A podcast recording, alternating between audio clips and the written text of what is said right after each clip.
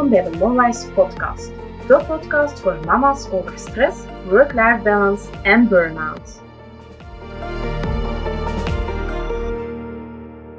Ik heb vandaag Annelies Peters van Blabla Huis voor Verbinding te gast. Annelies is getrouwd, mama van twee jongens en ze heeft een professionele achtergrond in therapeutisch werken. Ze volgde onder andere de vierjarige opleiding Client Centered.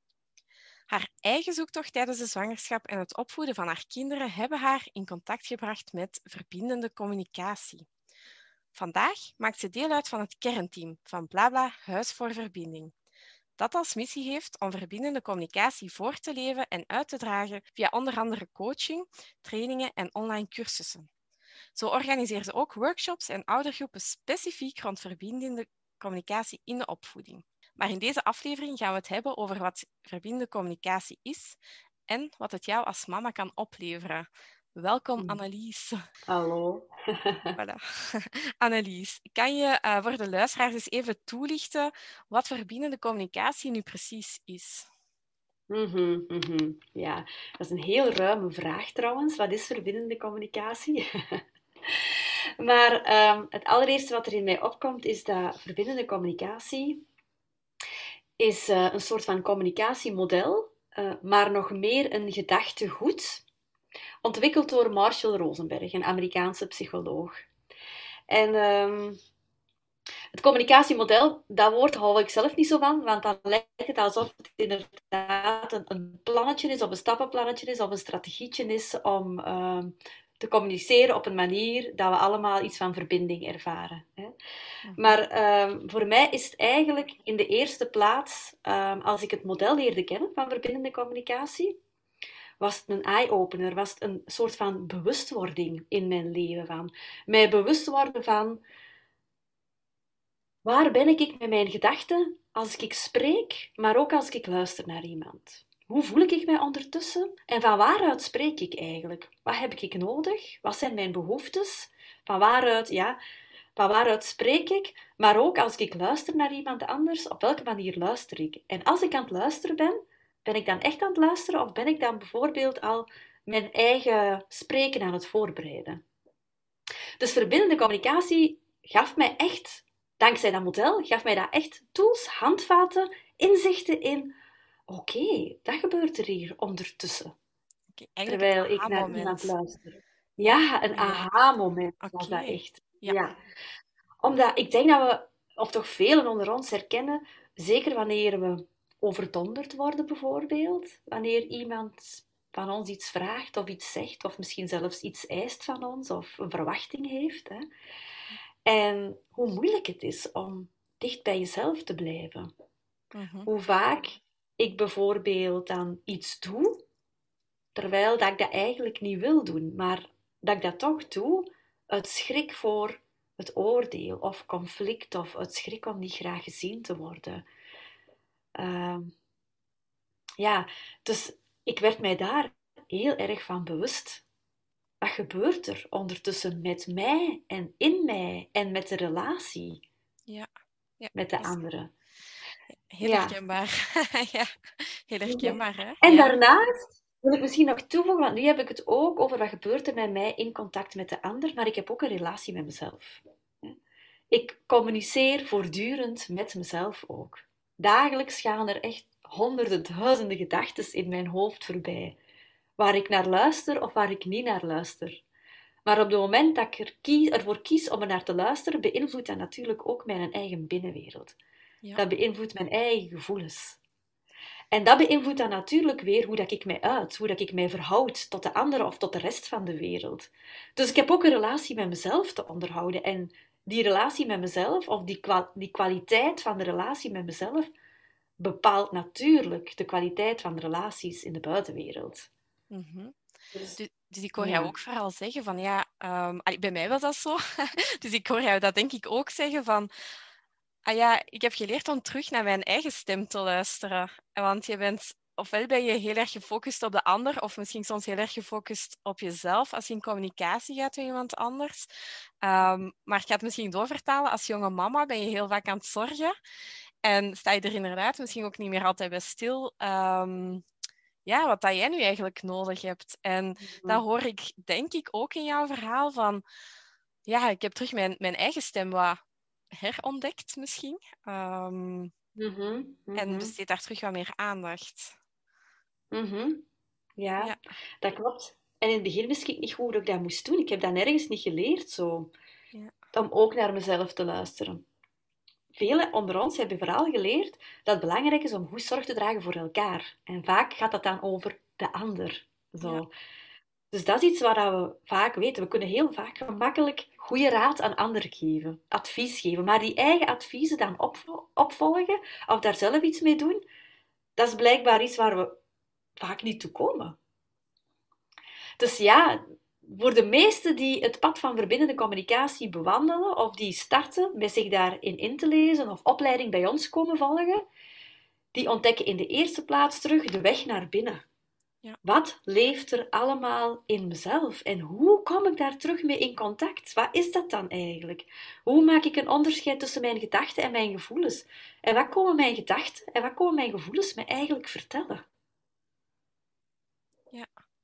En dan in tweede stap hoor ik jou ook zeggen, de link naar de ander weer. Want ja, we hebben geleerd om naar de ander um, daar zorg voor te dragen. Um, maar wat ik besefte zelf, was dat ik misschien ook niet altijd goed luisterde naar wat, in dit geval mijn partner bijvoorbeeld, uh, wat dat die mij nu eigenlijk echt wou zeggen. Omdat um, ja, hij heeft zeker nooit een opleiding of iets dergelijks daarin gevolgd. Dus, uh, dus allee, geen een van de twee van ons. Dus dat was voor mij ook een tweede wereld dat openging. En ja, dat misschien soms wat geduld vraagt en zeker wat oefening.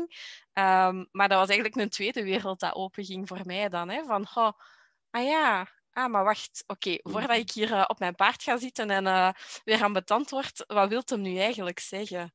En uh, dat is denk ik het mhm. vervolg daarop. Hè? Eerst naar jezelf kijken en dan van daaruit ook, oké, en wat wil die ander nu eigenlijk zeggen? Ja. ja.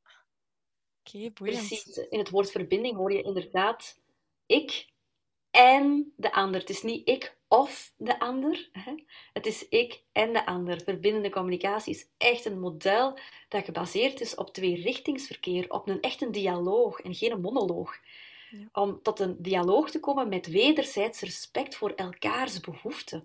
Om van daaruit manieren te ontdekken die uh, uh, zowel de mij, mijn behoeften als de behoeften van mijn partner kunnen vervullen. Ja. ja. Heel herkenbaar. Ik wil graag zo eens de doorvertaling maken ook van oké, we hebben nu al gehad partner en ik heb al heel veel elementen gehoord, maar wat heeft het jou als mama gebracht in ja, de communicatie naar jouw kinderen toe um, en dan de zorg voor jezelf? Mm -hmm, Ja, in de eerste plaats heeft het mij heel veel in de rol als mama gebracht. Zo omdat ik vooral heel erg zoekend was, denk ik, als ik zwanger was van mijn eerste kind. En mij vooral vragen stelde van wat zou ik zo graag willen doorgeven in het leven van mijn kinderen. Uh, en dat ik dan vooral uh, bij het antwoord kwam, wat wil ik niet doorgeven aan het leven van mijn kinderen? Want ja, weet je, uw eigen opvoeding, dat is altijd uw enige... altijd, dat was toch mijn enige referentiepunt rond... Ja, wat ik geleerd heb rond opvoeden, is wat ik van mijn ouders ook een stukje heb doorgekregen. Mm dat is hè. En, uh, ja. En, en, en dan moest ik vooral zo terugdenken aan die momenten dat ik me niet verbonden voel met mijn ouders. De momenten dat we echt tegenover elkaar kwamen te staan, zodat we in conflict zaten, in strijd, of dat mijn ouders uh, vanuit onmacht mij ja, op, een, op, een, met een, op een bestraffende manier met mij opgingen, of op een eisende manier, of op een dwingende manier met mij omgingen.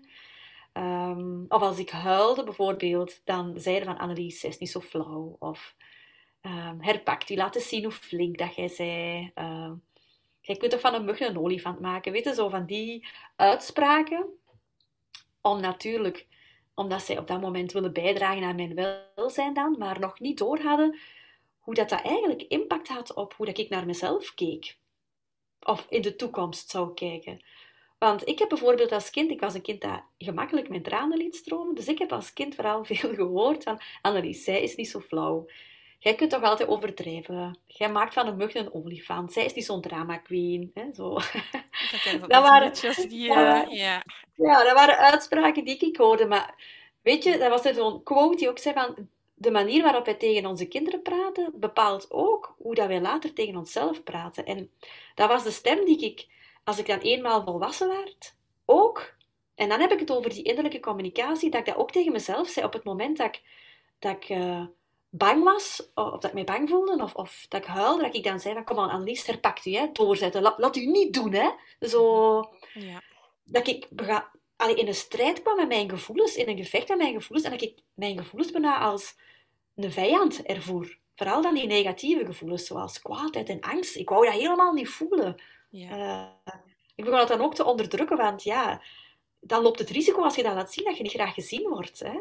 Dat is waar je dan een stukje vanuit je kindertijd meeneemt. Want op het moment dat mijn ouders dat zeiden, dat raakte mij. En dan dacht ik, oeh, ik doe iets niet goed. Mhm. Ja, dat is zoals kind. Hè? Je kijkt op naar je ouders. Hè? Ja. Dat is dat. Zij, waren, zij zijn mijn voorbeeld. Hè? Ja. ja. Dus als mama was dat voor mij echt een eye-opener van... Weet je, als ik net bevallen was, ik weet niet of dat voor u was zo, maar ik voelde mij... Ik denk dat ik het geluk heb gehad dat ik echt op een roze wolk heb gezeten. Ik voelde mij heel erg één met mijn kind zo. En ik vond die liefde echt zo intens. Bijna verpletterend intens zo. Zo kwetsbaar ook. Maar zo mooi dat ik dacht...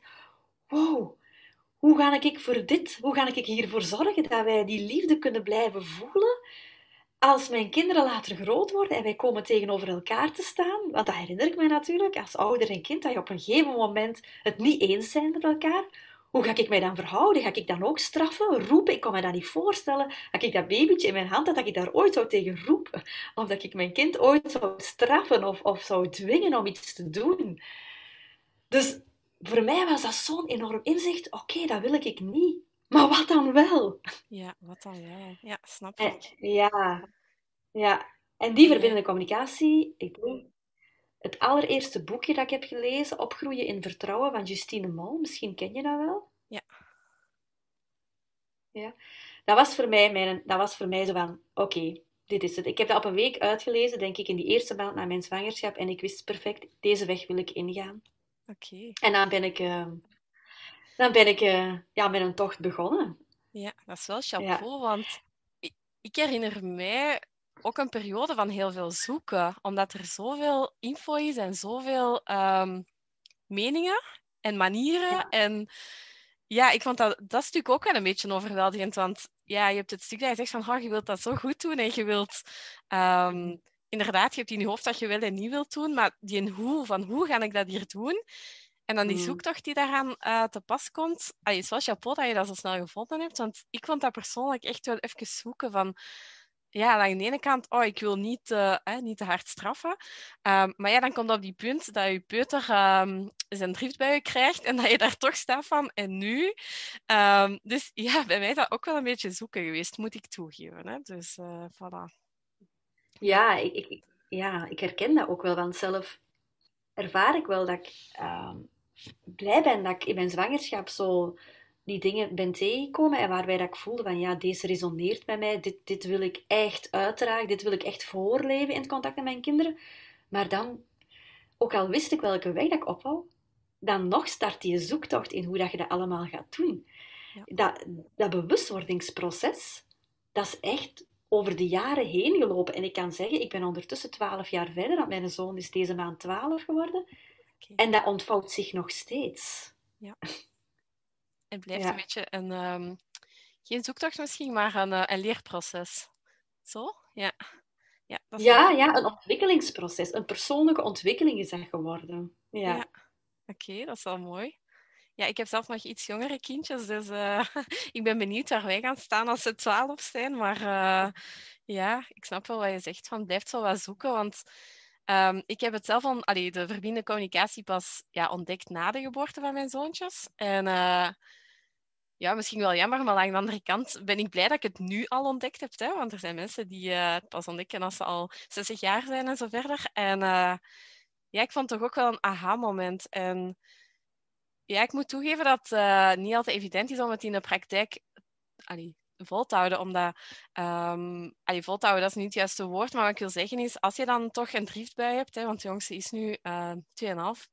En uh, ja, je, je, moet dan, je voelt dan soms toch ook wel even die woede. En ja, die, die kindjes die snappen dat misschien ook nog niet altijd. Hè? Ehm, als je, we gaan daar later nog op komen hoe dat die verbindende communicatie zich verhoudt. Maar um, het is soms ook zoeken naar vertalen naar degene die tegenover u staat. En uh, dat vind ik mhm. zelf nog een, een, zoektocht. Maar goed, ik ben er nu um, iets minder dan twee jaar mee bezig. Dus in vergelijking met twaalf jaar heb ik nog wel een marge te nemen. Maar ja, dat houdt het natuurlijk wel boeiend, hè, dat je het wat kan, uh, kan uittesten en ook kijkt hoe dat die kindjes daarop reageren. Ja, dus, ja en, en weet je, je vroeg mij daarnet zo, wat heeft dat voor jou als mama gebracht? En wat dat voor mij als mama het meeste gebracht heeft, hè, is dat, dat opvoeden hè, heel vaak ook niets doen is. In plaats van, te, van alles te moeten doen en je kind te willen aanleren of te moeten aanleren. Voor mij heeft dat gewoon heel veel rust gebracht dat ik eigenlijk niks moet doen dan mijn kind verbinding, veilig en liefdevol nest te geven en opgroeien doen ze bijna wel vanzelf. Dus dat is super, ja, bijna ontspannend. Ik heb ook veel spannende momenten gehad, zo, hè, maar dat besef van, eigenlijk moet ik niks doen dan gewoon liefdevol aanwezig te zijn. Maar liefdevol aanwezig zijn betekent ook in dat contact liefdevol aanwezig zijn met mezelf. Hè? Zo. Ja. Maar heel vaak um, hoor ik ouders zeggen hoe dat ze zich verliezen in het, in het zoeken naar allerlei mogelijke oplossingen wanneer dat je kind een driftbui hebt. Meestal hoor ik ouders zeggen, of ontmoet ik ouders in mijn praktijk van hè, mijn kind vertoont dit gedrag of dat gedrag, dat ze dan als lastig of onaangenaam of negatief ervaren. En hoe kunnen we dat veranderen? Wat kunnen wij allemaal doen om dat te veranderen? Wat heb ik fout gedaan of wat doet mijn kind fout? En het is dat soort denken dat ons eigenlijk helemaal doet vastlopen. Wat doe ik fout of wat doet mijn kind fout? En wie moet er hier veranderen? En dan zitten we vaak zo krampachtig te zoeken naar een oplossing en dat gaat helaas ten koste van de verbinding. Want op dat moment ben ik mij niet meer aan het verbinden met mijn kind en zit ik vooral in mijn hoofd te zoeken naar oplossingen. Maar verbinden, dat doe je met je hart. Dus vanaf het moment dat ik in mijn hoofd zit, ben ik eigenlijk mij niet meer aan het verbinden met mijn kind. Mhm. En met mezelf ook niet meer. Ja, dat is interessant, hè? want je bent ehm, ook heel herkenbaar. je bent dan eigenlijk heel vaak bezig met wat, met wat hoort, hè? of wat dat je leest ehm, en ziet op social media over hoe je kind zich zou moeten gedragen of wat, wat jij zou moeten doen. En dan zeg ik moeten tussen aanhalingstekens. En wat mhm. jij net zegt is van, ja, laat dat moeten even los. En ga een mhm. keer kijken wat dat je erbij voelt en wat dat je kind erbij voelt. Ja. Ja, in de eerste plaats, wanneer je in een conflict komt met je kind, is dat conflict vaak al in je hoofd gestart. Want op het moment dat je kind gedrag stelt waarbij dat jij het niet eens bent, zet jij dat eigenlijk aan het evalueren van dat is stout, of dat is niet gezond, of dat is abnormaal, of dat is verkeerd, of, hè, ja. of dat is flauw, of dat is agressief. We zijn daar onmiddellijk plakken wij daar een oordeel op bij dat gedrag. En het is net dat oordeel dat als we van daaruit ook gaan spreken naar onze kinderen toe, dat we net spanning toevoegen in de relatie, dan dat we zorgen voor ontspanning. Of dat we daar een, een, een kans in zien om samen iets van te leren. Mhm. Want als ik vind dat mijn kind zich niet gedraagt op een manier dat ik dat wil, en ik ga in mijn hoofd dan onmiddellijk daarover oordelen, dan ga ik ook heel vaak van daaruit spreken. Van nee, dat doe je niet. Dat is echt niet oké. Nu ben je echt stout. Ja. En voilà, we zijn vertrokken. Ja. En je kind hoort vooral die boodschap. Ja. En dan Alsof het op dat moment... Ja, ja zeg, ik onderbreek jou. Hè. Nee, maar dan denk ik aan dat klein kind waar je zelf daar straks over sprak, dat klein meisje, dat dan eigenlijk terug hoort van de ouders van ja, jij mhm. bent stout en niet flauw zijn. Hè? En dus eigenlijk mhm. ga je je eigen oordeel een stukje overdragen op je kind, als ik het goed begrijp, door op die manier te mhm. reageren. Ja. Oké. Okay. Ja, het is jouw oordeel, het is jouw oordeel alleszins dat heel vaak in de weg staat van verbinding. Want op dat moment neem ik mijn oordeel voor waar aan. Ja. Ik oordeel dat mijn kind lastig gedrag stelt. Oké. Ehm, als je het nu omdraait, hè, want ehm, ja, we hebben nu gekeken bijvoorbeeld naar een situatie met een peuter. Um, we weten alle twee wat dat verbindende communicatie inhoudt. Zou je misschien in het heel kort eens willen vertellen hoe, dat dat, allee, hoe dat jij dan die verbindende communicatie toepast? Wat de stappen daarin zijn om dan uit je hoofd te geraken en uh, naar je gevoel te mhm. gaan? Mm -hmm. Ja, je zegt het eigenlijk zelf. Hè? Zo, het is al uit je hoofd gaan, maar dat betekent ook dat ik dan luister naar al die gedachten die voorbij komen in mijn hoofd. Die hebben invloed op mijn gevoelens en mijn behoeftes. Dus op het moment dat ik in mijn hoofd ben, gebeurt er ook van alles in mijn lichaam. Dus kan ik met mijn aandacht mij dan al eens verplaatsen naar mijn lichaam? Hoe reageert mijn lichaam op dat ik in mijn hoofd zit? Sommigen die kunnen al onmiddellijk voelen dat hun nek misschien stijf is, of hun schouders gespannen zijn, of dat een hart sneller slaat, of dat je misschien hoger ademt. Hè. Dat zijn allemaal al waarnemingen die je kunt vaststellen als je met je aandacht in je lichaam gaat. En die bundeling van lichamelijke sensaties, die, ja, die kunnen we dan vaak in een gevoel vertalen. Hè. Ehm, dan kunnen we daaruit afleiden of we ons boos voelen, of verdrietig voelen, of bang voelen, of onzeker voelen, of gefrustreerd voelen. Mhm. Dus het is eigenlijk in de eerste plaats contact maken met die lichamelijke sensaties die dat gevoel vormen. Wat voel ik? Misschien voel ik wel een krop in mijn keel. Of voel ik dat er tranen in mijn ogen opkomen. Ja. Ja. En dat is een heel proces, denk ik, want je laat het zo gemakkelijk lijken. Maar ik denk, ehm, ja, ik denk dat dat net gewoon een hele moeilijke is. En um, wat ik zelf ervaren heb, maar zeker ook vaak zie bij anderen, is um, ja, dat je zelf zodanig verliest in het zorgen voor. En mm. ja, maar ik was benieuwd um, ja, welke tips dat je aan mama's kan geven die zichzelf daar inderdaad even een stuk of je, je allee, geheel eigenlijk in kwijtraken. En die eigenlijk niet zo goed meer bij dat gevoel kunnen. Of het ook gewoon ontzettend moeilijk vinden om um, ja, dat gevoel te vertalen naar een concrete vraag, naar de partner of naar familie, om, ja, om hun daarmee te helpen. Dus mijn, mijn vraag aan jou concreet is, ja, welke tips zou je mama's daarvoor kunnen geven om toch weer wat dichter bij zichzelf te komen en bij dat gevoel? Mm -hmm, Ja, ik denk bij het gevoel komen dat dat op zich nog wel vrij gemakkelijk kan. Maar dan is, dan, dan is nog maar de vraag, hoe ga je om met jouw gevoel? Als daar onmiddellijk dan hoe een kramp opkomt van oeh, nee, nee, dat is niet goed. Ik, ik, ik, mag nu niet huilen, want dan gaan ze denken dat ik zwak ben of dat ik het niet aan kan. En, en, ga je je tranen dan onmiddellijk terug verbijten of wegduwen, dan ben je onmiddellijk weer vervreemd van je gevoel. Hè? Dus het is ook wel zo eens een keer checken bij jezelf. Wat, wat, wat, doe ik dan in de beweging? In het contact met mijn gevoel, ga ik daarvan weg? En ga ik onmiddellijk terug in mijn hoofd? om dat, om dat gevoel dan te gaan analyseren. Oei, oei, van waar komt dat? En wat is er dan gebeurd? En hoe komt het dat ik mij zo voel? Dat zijn dan de vragen die we onmiddellijk vanuit ons hoofd stellen. Of kan ik ook echt gewoon met nieuwsgierigheid en mildheid en openheid gewoon eventjes mijn gevoel eens een keer volgen. Waar brengt mij dat gevoel? En als ik tranen voel opkomen, mag ik mijn tranen huilen. Want een gevoel dat tot leven komt, dat zoekt altijd een uitweg. Tranen willen gehuild worden. Zo, kwaadheid wil er ook graag uit. Kwaadheid zijn allemaal opgekropte spanningen die via het lichaam eruit willen. Dus druk ik erop te vertrouwen als ik mijn gevoel volg, dat mijn gevoel mij eigenlijk vooruit helpt in het leven, dat mijn gevoel mij eigenlijk helpt om mij te bevrijden van iets, van spanning of van verdriet of van angst of van kwaadheid. Dat is één functie van het gevoel. Hè? Dat het ons helpt om situaties of gebeurtenissen te verwerken. Anderzijds vertelt een gevoel ook altijd iets over een behoefte. En dat is de kern van het gedachtegoed van verbindende communicatie. Hè?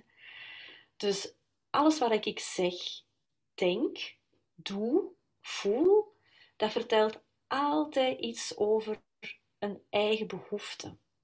Dus kan ik ook ontdekken wat ik eigenlijk nodig heb achter mijn gevoel of achter mijn gedachten.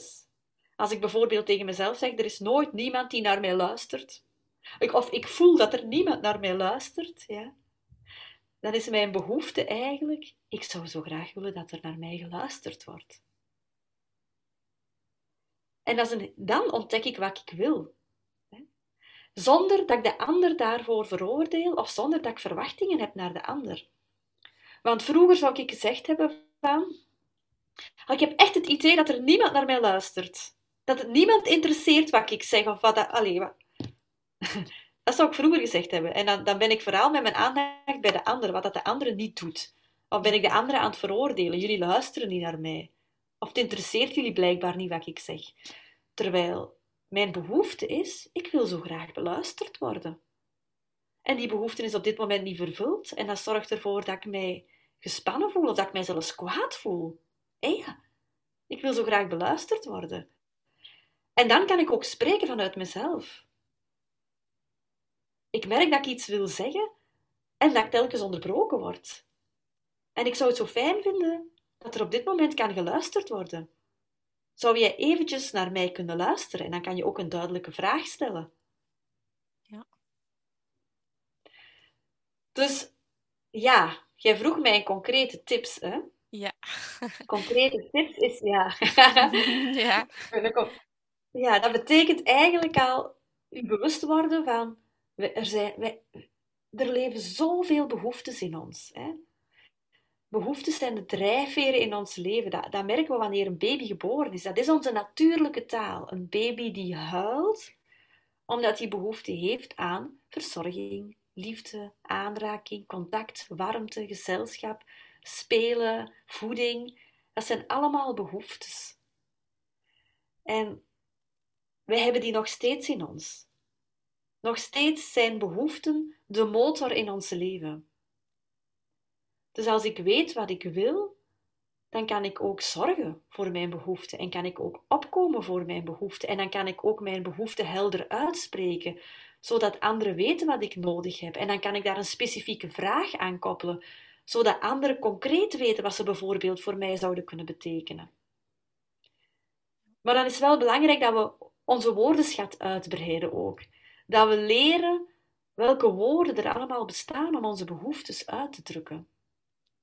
En een stuk ook ja, die oordelen achterwege laten, hoor ik daarin. Hè? Want ehm, wat ik vaak zie, is um, jonge mama's die eigenlijk heel graag geholpen willen worden. En inderdaad, dat sluit dan aan bij wat jij zegt van, oh, er wordt niet naar mij geluisterd, maar die dan zoiets hebben van, allee, zien ze nu niet dat ik het moeilijk heb? En ha, kunnen ze dat nu niet even doen? En dat gaat dan evengoed over de zorg voor een kind of over um, een keer opruimen zonder dat ze dat moeten vragen. Um, en dat is best een moeilijke, want ja, we hebben langs de ene kant de verwachting dat de anderen het ziet. En misschien mhm. ook bij sommigen um, het oordeel van, ja, ik wil dat hier niet zelf moeten vragen, want ja, ik, ik ga nu mijn woorden een beetje wikken en wegen, maar dan kom ik, kom ik zwak over. Of dan, die hulpvragen is zwak, want allee, ik moet dat hier zelf allemaal kunnen doen. Want, dan, want anders ben ik geen goede mama. Hè? Want ik zou dat allemaal moeten doen. En dat is zo die tweestrijd tussen... Ik wil het eigenlijk zelf niet vragen en ik verwacht eigenlijk wel dat iedereen het ziet dat ik het nodig heb. En hmm. dat is het, wat ik ook wel vaak merk, dat dat dan vooral dat oordeel is dat in de weg zit om dat gevoel te uiten of die, die behoefte te uiten. Ja, ja. Ja, en in die verwachtingen zit het woord wachten. Hè. Dan kunnen we heel vaak wachten. Ja. Totdat iemand oppikt wat ik graag zou willen. Terwijl dat verbindende communicatie me net heel erg geleerd heeft van ik ben uiteindelijk de eindverantwoordelijke voor mijn gevoelens en mijn behoeften.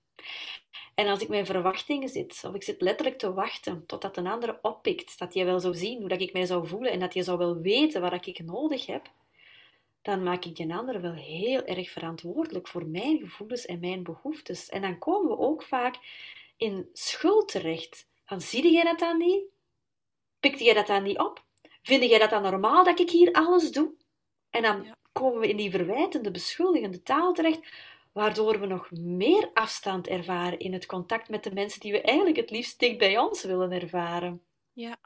Dus ik ben wel die eindverantwoordelijke. En dat is voor mij een bewustwordingsproces geweest van, als ik iets nodig heb, dan is het echt aan mij om mij helder uit te drukken en specifiek te vragen wat ik dan verlang van de andere. En dat, dat draagt alleen maar bij aan helderheid en duidelijkheid. Ik vind het zelf zo. Ja, ik voel mij er zelf zo ongemakkelijk bij wanneer dat iemand iets van mij verwacht had en ik had dat helemaal niet door. En dat helpt mij ook als luisteraar, als mijn man duidelijk zegt waar dat hij behoefte aan heeft en wat dat hij dan eigenlijk vraagt aan mij. Zodat ik heel bewust kan kiezen, ah ja, ik zie ik dat zitten om dat te doen. Of ah nee, ik zie ik dat helemaal niet zitten. Ja. Ja, maar dan heb je wel een vraag gesteld en een eerlijk antwoord ontvangen. Ja, inderdaad. Ja. En je steekt je energie ook niet in de foute dingen misschien. Omdat je weet wat de ander ook echt belangrijk vindt. Ja. Ja, ik, ik denk vooral ook um, jezelf toestemming geven om naar jezelf te luisteren en dat te mogen zeggen. En um, dan inderdaad naar die partner te luisteren. Um, maar inderdaad toch eerst naar jezelf. Want ja, ik werk heel vaak met, met mama's die heel sterk overspannen zijn of die al in een burn-out beland zijn.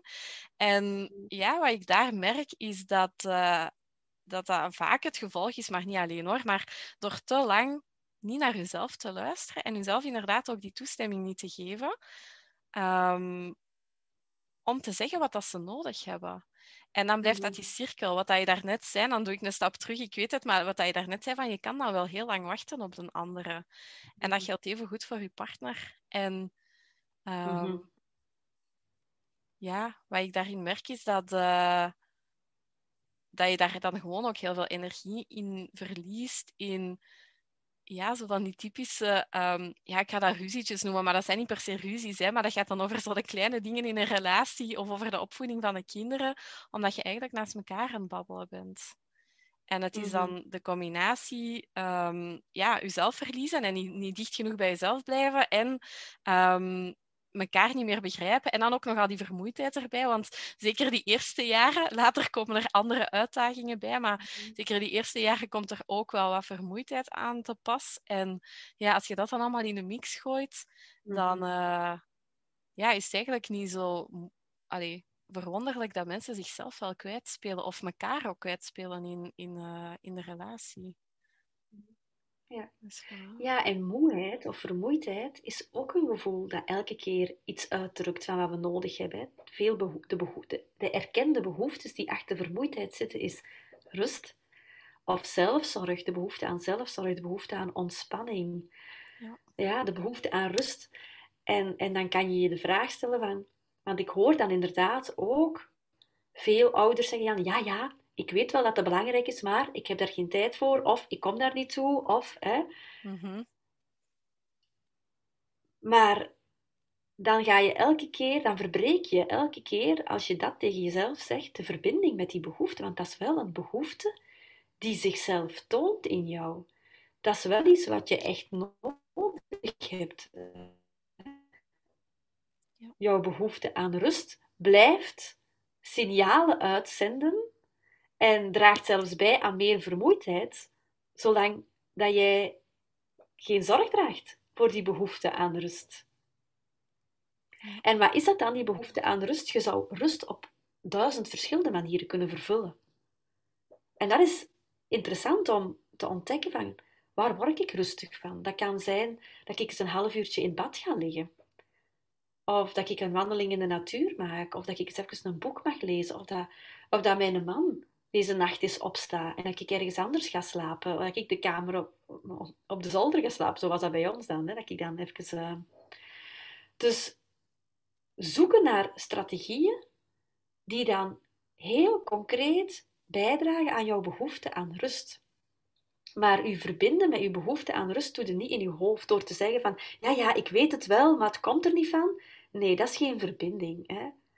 Dat is alleen maar een weet. En hier blijf elke keer in, in, in een loop ronddraaien. Zo. Totdat je helemaal uitgeput bent. Van die steeds maar jezelfde cirkeltjes rond te lopen. behoefte aan rust betekent, ik verbind mij met hoe moe mijn lichaam is. Ik mag dat voelen, hoe moe dat, dat is. En mezelf toestaan om voor die rust zorg te dragen. En wat betekent dat dan voor mij rust? Waar word ik rustig van? Het is pas vanuit die verbinding met uw onderbuik, met rust, dat ik mezelf echt serieus neem. En acties voorop kan stellen of voornemens kan doen die ik dan ook echt ga naleven. Maar als ik het maar in mijn hoofd tegen mezelf blijf vertellen, dan weet ik dat het loze voornemens zijn. Mooi. Waar ik nog benieuwd naar ben, is. Um, ik vind het super inspirerend wat je vertelt. Ja, het begint bij jezelf, maar waar ik dan benieuwd bij, uh, nog over ben, is hoe dat jij dat geïntroduceerd hebt in je gezin. Um, want jij bent daar mee begonnen. En um, ik inspirerend, denk ik. En ik, ja, ik ben benieuwd hoe, dat je, hoe dat je dat hebt aangepakt om uh, ja, dat in je relatie binnen te brengen. En ja, dan, ja, naar je kinderen heb je het al een stukje verteld natuurlijk. Maar um, ik kan me voorstellen dat dat voor velen ook nog een vraag is van... Oké, okay, ik weet nu hoe dat, dat moet. En hoe zorg ik nu dat mijn partner daar ook wilt in meegaan in die manier van communiceren? Ja, ik, ik heb eigenlijk niks... niks ja, niks gedaan is misschien ook niet niks, maar ik, ik weet dat ik vanuit mijn enthousiasme, als ik dan zo uh, mijn boekjes aan het lezen was, hè, van Justine Mol, dat ik, ik, ik, zie mezelf nog zitten met mijn zwangere buik en, en dat boekje ook zo in de auto en dan regelmatig tegen mijn man zo, oh, dit, en dan een stukje een passage daar het voorlezen, hè, zo. maar wat mijn man uiteindelijk wel... wat mijn man uiteindelijk wel tegen mij zei, wat doorslaggevend geweest is voor hem om ook opleiding te gaan volgen. Hij, heeft ondertussen ook een jaaropleiding daar rond gevolgd. Hij zei, en, en hij zei, jij hebt me echt geïnspireerd door de manier waarop dat ik u zag omgaan met onze kinderen. En wat voor effect dat, dat had op hun. Ik was daar elke keer zo van onder de indruk, dat ik gewoon heel nieuwsgierig ben geworden. Ja. Dus hij heeft mij dat gewoon zien voorleven, vooral, hoe dat ik dat deed met mijn kinderen. En dat was voor hem enorm fascinerend. Ja. ja. Dus, dus hij is dan ook zo een introductie van twee dagen gestart bij ons centrum. En dan heeft hem gekozen om, uh, omdat hij dan merkte dat dat niet alleen een impact heeft in het contact met onze kinderen, maar ook op onze relatie en in het contact met zijn, met zijn collega's en met zijn vrienden en familie. En ja, dan is een trein vertrokken. Hè. Uh, dus ik, ik, en ik geloof zelf ook zo, het voorleven, dat dat het meeste mensen wel inspireert. Zo het zien doen en het effect ervan zien. Ja, ja, ja. ja. Oké.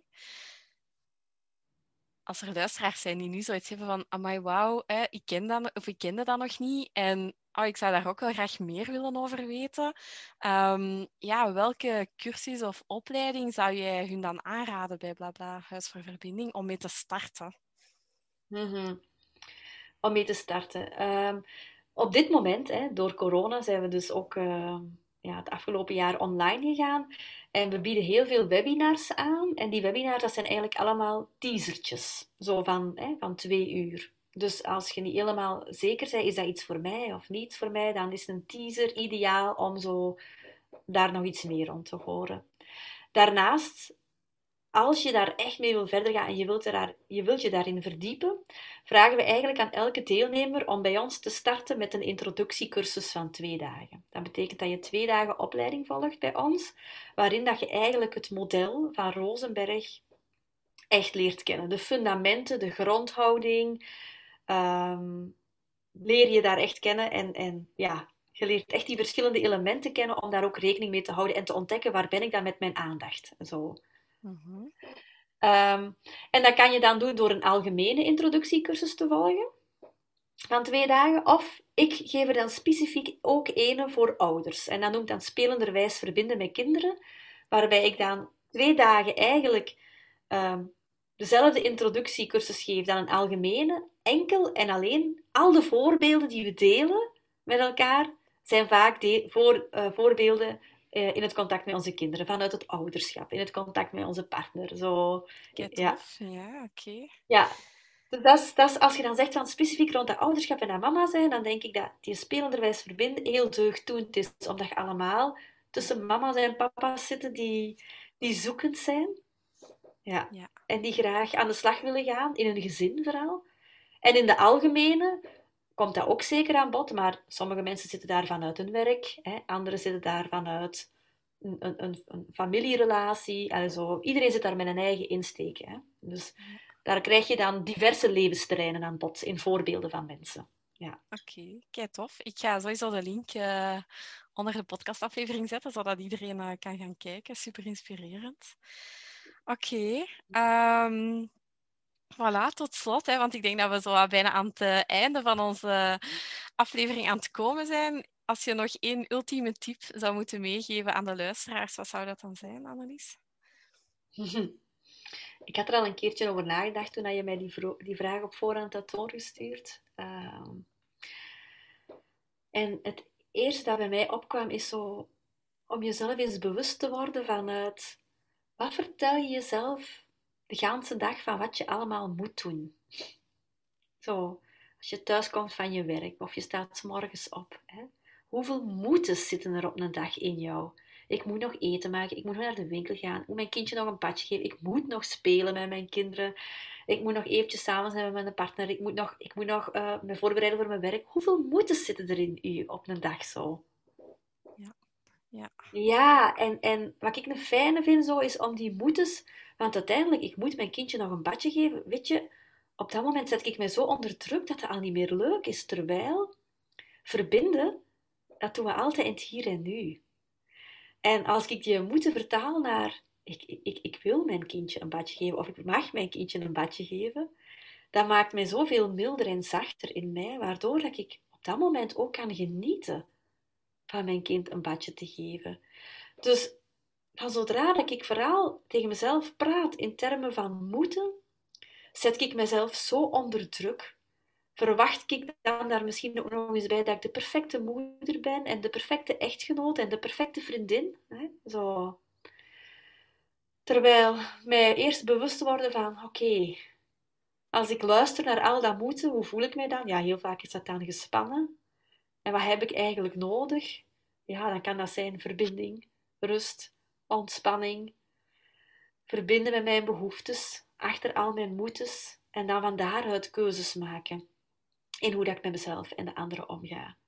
Dus hoe die moeten vertalen naar ik moet nog mijn kind een badje geven of ik moet nog spelen van wil ik graag? Ja, ik wil eigenlijk wil ik dat graag nog spelen. Of nee, ik wil niet spelen met mijn kind. Ik ben echt stik kapot. Ik wil rust. Oké, en hoe gaan we dat dan inbouwen, die rust? terwijl een kind naast mij ook heel graag wil spelen.